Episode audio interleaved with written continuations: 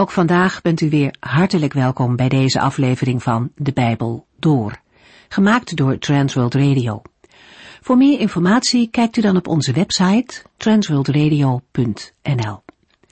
In deze serie gaat u in vijf jaar tijd met ons de Bijbel door, van Genesis 1 tot en met het laatste vers in Openbaring 22. De vorige keer ging het over de eerste helft van 2 Timotheus hoofdstuk 2 en we kijken daar nog even naar terug. Paulus spreekt Timotheus daar aan als mijn zoon. Het laat de verbondenheid tussen beide mannen zien. Maar er zit ook een aansporing voor Timotheus in om de voetsporen van zijn vader in het geloof te volgen. Paulus geeft Timotheus twee dingen mee. Allereerst, wees sterk door de genade die Christus Jezus je geeft met andere woorden, blijf je kracht in God zoeken. Wat er ook in je leven en om je heen gebeurt, zoek je sterkte in de genade van de Heer Jezus. En vervolgens moet Timotheus het onderwijs dat hij van Paulus heeft ontvangen toevertrouwen aan betrouwbare broeders. Er moet een nieuwe generatie van leraren in de gemeente worden opgeleid. In 2 Timotheus hoofdstuk 2 gebruikt Paulus drie voorbeelden om te illustreren waar de goede dienstknecht van de Heer aan moet voldoen. Hij maakt een vergelijking met een soldaat, een sportman en een boer. Het kenmerk van een soldaat is dat hij paraat moet staan. Hij moet niet in beslag genomen worden door allerlei andere zaken, maar hij moet waakzaam en inzetbaar zijn.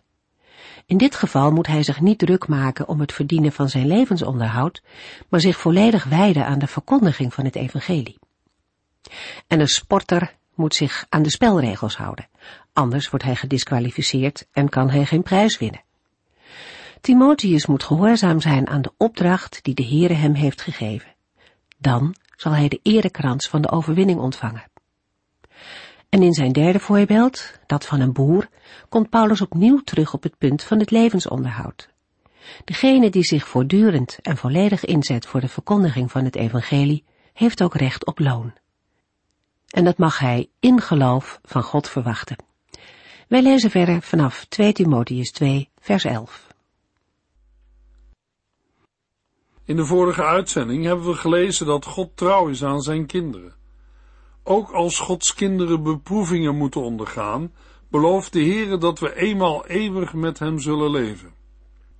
2 Timotheus 2 vers 11 Ik vind troost in deze waarheid. Als wij samen met Christus gestorven zijn, zullen wij ook met hem leven. Deze woorden betekenen dat wij als gelovigen met Christus in zijn koninkrijk zullen leven en zelfs met hem zullen regeren. 2 Timotheus 2 vers 12. Als wij stand houden, zullen we eens met hem regeren. Maar als wij het opgeven en ons tegen Christus keren, zal hij zich tegen ons keren. Het samen met Christus regeren troostte Paulus in zijn lijden, toen hij oog in oog stond met de dood. Het mag ook vandaag gelovigen troosten, als zij het moeilijk hebben. Luisteraar, als u, jij of ik het moeilijk hebben, roept Paulus ons op om ons niet tegen Christus te keren. Hij belooft een heerlijke toekomst met hem. Mogelijk dat u er vandaag nog niet veel van ziet. In Matthäus 19, vers 28 en 29 zegt de Heer Jezus tegen zijn volgelingen: Luister, wanneer ik, de mensenzoon, eenmaal op mijn schitterende troon zal zitten, zullen ook jullie op twaalf tronen zitten om recht te spreken over de twaalf stammen van Israël. Ieder die zijn huis, broers, zusters, vader, moeder, kinderen of bezittingen opgeeft om mij te volgen, zal honderdmaal zoveel terugkrijgen. En bovendien krijgt hij het eeuwige leven. De Heer Jezus staat gelovigen terzijde ook als het geloof bijna bezwijkt onder alles wat gelovigen moeten meemaken. Soms heeft een gelovige geen geloof meer over, maar de Heer Jezus blijft trouw aan zijn belofte. Matthäus 28, vers 20. Ik ben altijd bij u, tot het einde van de tijd. En in Romeinen 8, vers 38 en 39 schrijft Paulus, Ik ben ervan overtuigd dat niets ons kan scheiden van Gods liefde. De dood niet, het leven niet. Engelen niet, bovenaardse krachten niet, de dingen van vandaag niet, de dingen van morgen niet. Nee, er is geen enkele kracht die dat kan. Hoe hoog we zijn gestegen, of in welke diepte wij ons ook bevinden. Niets in de hele schepping kan ons scheiden van Gods liefde, die ons gegeven is in Christus Jezus onze Heer. 2 Timotheus 2 vers 13 Zelfs als wij hem ontrouw zijn, blijft hij ons trouw, want hij kan zich niet tegen zichzelf keren.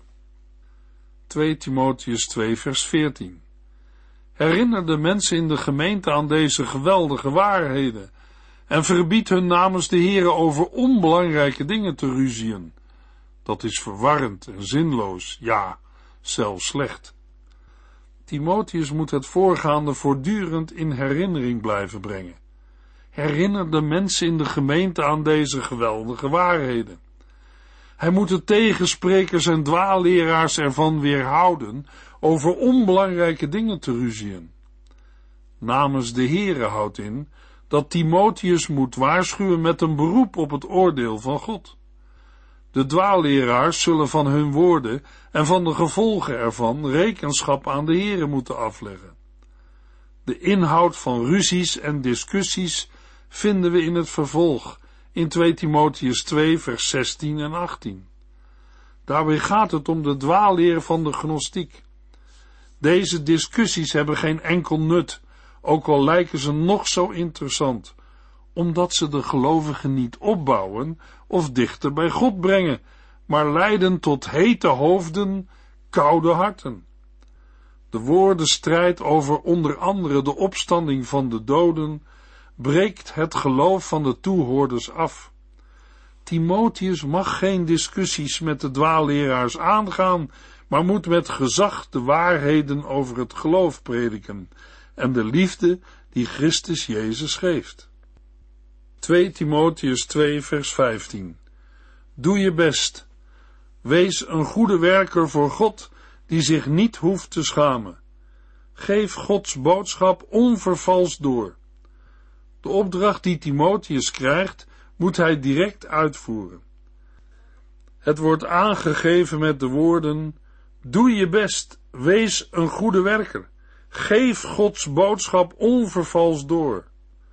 Met de woorden wees een goede werker voor God die zich niet hoeft te schamen, maakt Paulus duidelijk dat het dienen van de Here betrouwbaarheid vereist.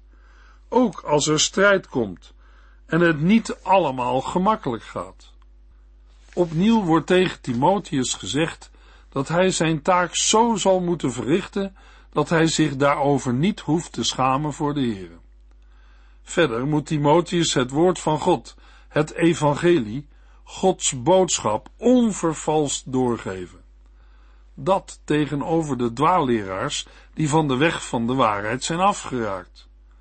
De bedoeling is dat Timotheus het woord zal verkondigen zonder angst voor de dwaalleraars en dat hij zich zal houden aan Gods woord. 2 Timotheus 2 vers 16 Vermijd onzinnige discussies, waardoor mensen hun ondergang tegemoet gaan. Voor de woorden vermijd onzinnige discussies staat in het Grieks vermijd goddeloze en lege woorden. Het zijn woorden die duiden op wat profaan en onheilig is. Zulke woorden zal een gelovige in Christus nooit gebruiken. Paulus kenmerkt de woorden van de dwaalleraars als leeg gepraat, onzinnige discussies. In sommige situaties moet tegenspraak op grond van de gezonde leer worden weerlegd. Maar met de dwaalleraars moet Timotheus niet in discussie treden. De woorden van deze dwaalleraars hebben alleen maar negatieve effecten op de toehoorders. De woorden zijn verwarrend, zinloos en slecht. Gods boodschap moet onvervalst worden doorgegeven. Dat kan alleen als de werker bekwaam en goed onderwijs heeft ontvangen. De Bijbel, Gods woord, geeft een grote hoeveelheid informatie over God, de schepping, het volk Israël, wetten en voorschriften. prachtige en aangrijpende geschiedenissen over de Heere God, Jezus Christus, de Heilige Geest, en Gods weg met mensen naar zijn heerlijke toekomst en de voleinding van alle dingen. Gods woord heeft structuur en een zekere orde. Dat moet een mens bij het lezen aanvaarden en willen zien. De Heere heeft ook niet alles laten opschrijven en geopenbaard. Er zijn geheimen en verborgen dingen die ons mensen niet zijn geopenbaard. Daarom kunnen we niet zomaar een aantal teksten uit de Bijbel plukken, die bij elkaar plaatsen, om daar een bepaalde godsdienstige stelling of leeruitspraak mee te verdedigen. Bij Bijbellezen moeten we heel Gods woord in ogenschouw nemen en tekst met tekst vergelijken. Gods woord is een eenheid en moet op de juiste wijze in onderdelen worden bestudeerd, onder leiding van de Heilige Geest, die de harten en gedachten van de gelovigen verlicht en leidt. De Bijbel is geen onsamenhangend geheel van 66 vreemde boeken. Al de 66 afzonderlijke Bijbelboeken vormen samen de ene Bijbel. Hoe sterk de Bijbelboeken onderling ook kunnen verschillen. De Heere gebruikte verschillende mensen om zijn woorden op te schrijven. Dat waren lang niet altijd profeten en apostelen, zoals bijvoorbeeld Mozes, Jezaja of Paulus. De schrijver van het Bijbelboek Amos was een boer uit Tekoa. En ook koningen als David en Salomo mochten woorden van God opschrijven. Een voorbeeld uit het Nieuwe Testament is Lucas. Hij was arts en zette het evangelie naar Lucas en het Bijbelboek Handelingen op schrift. De Bijbelboeken zijn ook in verschillende tijden ontstaan. Soms liggen er wel honderden jaren tussen. De Bijbelboeken zijn in verschillende talen geschreven: Hebreeuws, Aramees en Grieks. Er zijn ook verschillende stijlen in de Bijbel. Er zijn spannende verhalen, maar ook lange lijsten met namen. We lezen klaagliederen, maar ook lofprijzingsliederen en liefdespoëzie. Wetten zoals Exodus en Deuteronomium, maar ook heel praktische levenslessen, bijvoorbeeld spreuken. De Bijbelboeken zijn nu eens gericht aan één persoon, bijvoorbeeld Timotheus, dan weer aan een groep mensen, onder andere een volk of inwoners van een stad. Naast al die verschillen hebben de Bijbelboeken iets heel belangrijks gemeenschappelijk. Ze gaan allemaal over Gods zorg en liefde voor zijn schepping en over Gods omgang met mensen. In de eerste plaats met een bijzonder volk, Israël, maar daarna ook met alle mensen. De Heere heeft wat met mensen, maar helaas hebben mensen niet altijd wat met God. Sterker nog, mensen van vroeger en van nu, u, jij en ik, willen van nature liever niets met God te maken hebben. Toch laat de geschiedenis, ook in de Bijbel, steeds weer zien dat mensen dan hopeloos in de problemen komen. Het mooie van de Bijbel is dat in alle verschillende Bijbelboeken steeds dezelfde eigenschap van de Heere tevoorschijn komt, namelijk liefde. De Heere wordt niet moe om mensen zoals u, jij en ik, ondanks hun fouten en tekortkomingen, steeds weer op te zoeken. De liefde van God krijgt een heel persoonlijk gezicht in Jezus Christus. Kort en bondig is het goede nieuws van de Heere uitgesproken door de Heere Jezus Christus en opgeschreven door de evangelist Johannes in Johannes 3 vers 16. Want God heeft zoveel liefde voor de wereld, dat hij zijn enige zoon heeft gegeven, zodat ieder die in hem gelooft niet verloren gaat, maar eeuwig leven heeft. Alle Bijbelboeken hebben samen eigenlijk één boodschap. Gods liefde is er ook voor u en voor jou. Daarmee is de Bijbel ook Gods liefdesbrief aan ons mensen. God sprak niet alleen vroeger, maar ook nu. Dat maakt de Bijbel tot een uniek boek. Het is niet voor niets het meest vertaalde en verspreide boek van de wereld. We lezen verder in vers 17. 2 Timotheus 2 vers 17. Hun woorden zullen voortwoekeren als een kwaadaardig gezwel. Hymenaeus en Philetus zijn zulke mensen. Het woord van de dwaalleraars zal door sommigen gretig worden aanvaard. Zo zal hun leer voedingsbodem vinden als een kwaadaardig gezwel. De namen van twee dwaalleraren worden genoemd, Hymenaeus en Philetus. Hymenaeus wordt ook genoemd in 1 Timotheus 1 vers 20. Zijn dwaalleer wordt daar niet duidelijk vermeld. Hymenaeus en Philetus zijn het spoor van de waarheid kwijtgeraakt en door Paulus aan de Satan overgeleverd, opdat zij het lasteren worden afgeleerd. 2 Timotheus 2 vers 18 Ze zijn het spoor van de waarheid kwijtgeraakt en beweren dat de opstanding van de doden al heeft plaatsgevonden. Daarmee ondermijnen zij het geloof van sommigen. Het weinige dat Paulus hier loslaat over de leer van Hymenaeus en Philetus maakt wel duidelijk dat we te maken hebben met een gnostische dwaalleer. De dwaalleraars zijn het spoor van de waarheid kwijtgeraakt. Met waarheid wordt in dit geval het evangelie of het geloof in Jezus Christus bedoeld. Hun leer dat de opstanding al heeft plaatsgevonden, houdt in dat zij de opstanding volledig vergeestelijken. Zij geloofden niet in een lichamelijke opstanding uit de doden, maar probeerden met behulp van hun kennis een mystieke eenwording van de ziel met God te ervaren. Dat moment zagen zij dan als opstanding of als de grote dag van de Here. De gnostici probeerden zich te beroepen op de woorden van Paulus, die een eenwording met de opstanding van Christus in de doop onderwees. Maar deze opstanding is in Christus en wordt gevolgd door een opstanding van het lichaam in heerlijkheid op de grote dag van de Here. Dezelfde dwaalleer wordt door Paulus bestreden in andere brieven. 2 Timotheus 2 vers 19 Maar de waarheid van God staat zo vast als een huis. Daar is geen beweging in te krijgen. Op de eerste steen staan deze woorden. De Heere kent de mensen die echt bij hem horen. En wie zichzelf een christen noemt, zou niets verkeerds moeten doen en niets verkeerds moeten zeggen. Het beeld van het fundament wordt door Paulus vaker gebruikt.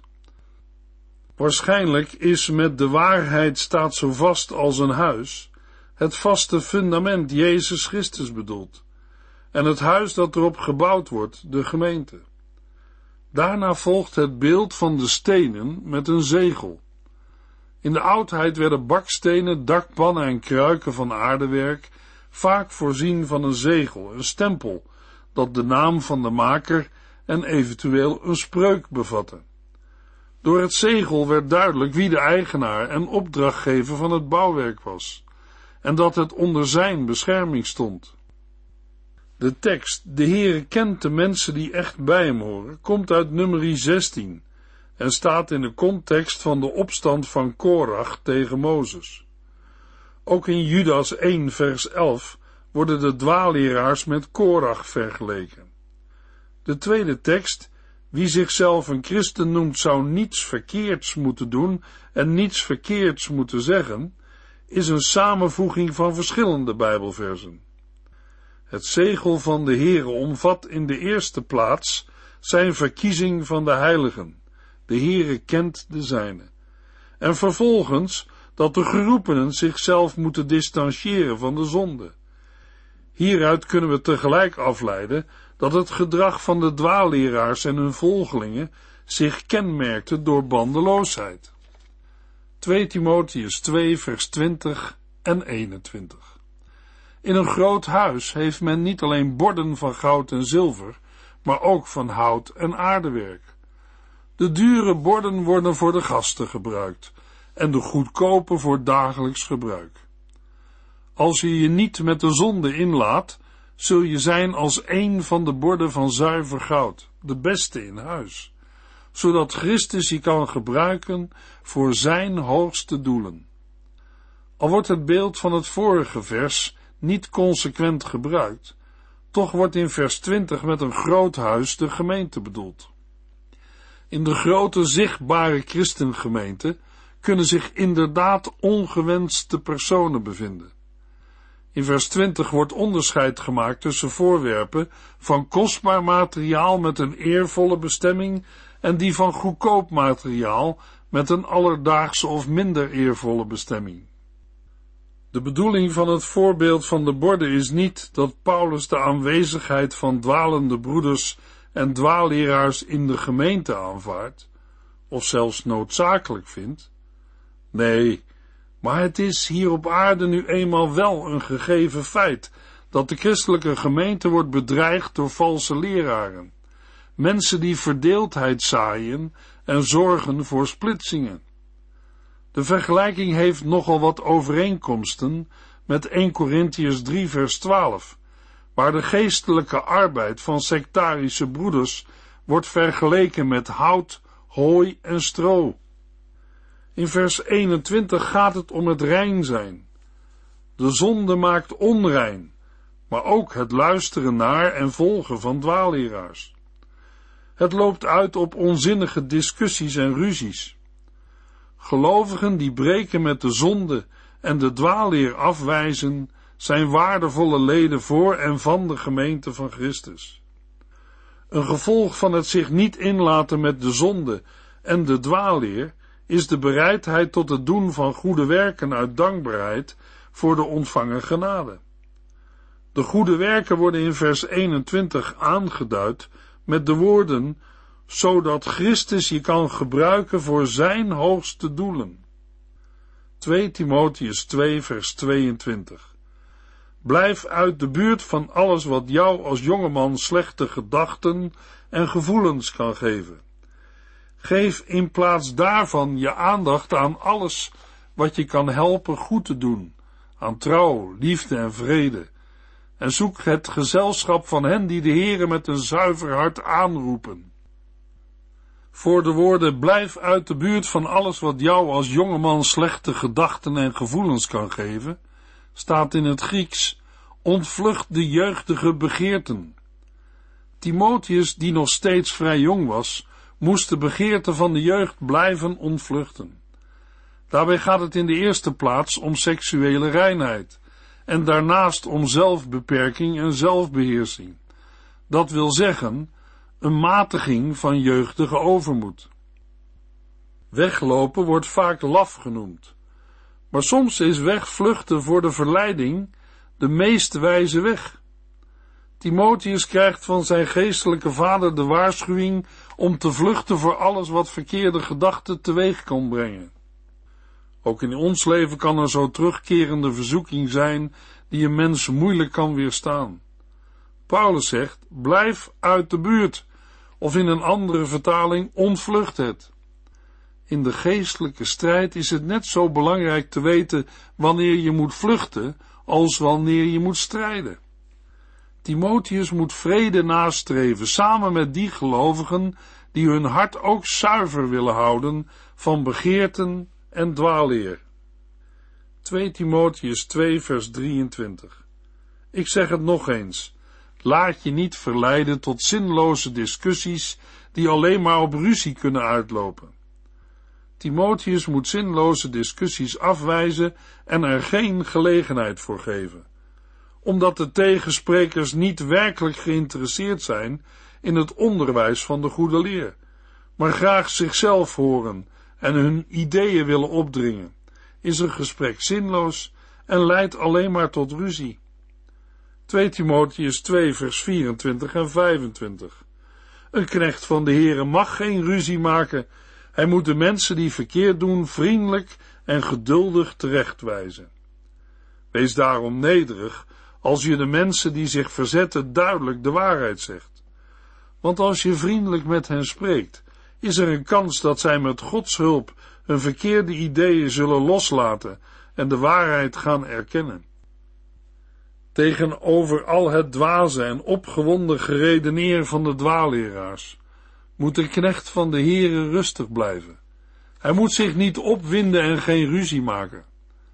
Dat geldt natuurlijk niet alleen voor diegenen die een speciale bediening in de gemeente hebben, maar voor alle knechten van de Heere. Niet door middel van een discussie, maar door vriendelijk onderwijs moet Timotheus de juiste leer naar voren brengen.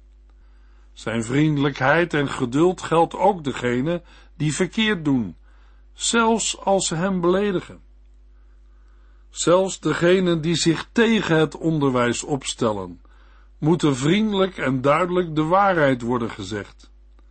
Terwijl Timotheus het onderricht geeft, wordt van de Heere verwacht dat hij bekering schenkt. Bekering is een gave van God, maar een verkondiger van het evangelie kan door een zachtmoedige houding Gods werk bevorderen of het door hardheid belemmeren. De bekering heeft tot doel diepe, doorleefde kennis van de waarheid, waarmee opnieuw het evangelie wordt bedoeld. In Efeziërs 1, vers 11 tot en met 13 lezen we, door onze eenheid met Christus zijn wij het eigendom van God geworden. Dat is altijd de bedoeling geweest van Hem die alles doet zoals Hij zelf wil en goed vindt. Hij wil dat wij, Joden, die al zo lang gewacht en gehoopt hebben dat de Christus zou komen, Hem zouden prijzen en eren. En niet alleen wij, maar ook u, die de waarheid hebt gehoord, het goede nieuws dat uw redding is. Toen u in Christus ging geloven, gaf God u de Heilige Geest, die hij had beloofd als een bewijs dat u van Christus bent. 2 Timotheus 2 vers 26 Dan zullen ze tot bezinning komen en zich losmaken uit de valstrik van de duivel, die hen gevangen houdt en in zijn macht heeft. Zoals een vogelvanger vogels vangt in zijn strik, zo vangt de duivel de ziel van een gelovige, die niet waakzaam is. De dwaalleraars zelf beschouwen hun leer natuurlijk niet als een strik van de duivel. Degene die in zijn strik gevangen is, moet dan ook zijn wil doen, de zonde. In de volgende uitzending lezen we 2 Timotheus 3, vers 1 tot en met 12. U heeft geluisterd naar De Bijbel Door, in het Nederlands vertaald en bewerkt door Transworld Radio. Een programma waarin we in vijf jaar tijd de hele Bijbel doorgaan. Als u wilt reageren op deze uitzending of u heeft vragen, dan kunt u contact met ons opnemen. Tijdens kantooruren kunt u bellen op 0342 47 8432 0342 47 8432. Ook kunt u een e-mail sturen naar de transworldradio.nl en natuurlijk kunt u ook via de post ons bereiken. TWR, postbus 371, postcode 3770, AJ in Barneveld. Dit programma werd gepresenteerd door Cor Weda en Ike André. Techniek was in handen van Odin van Voerkom. En wij allemaal bedanken u voor het luisteren. Graag tot de volgende keer.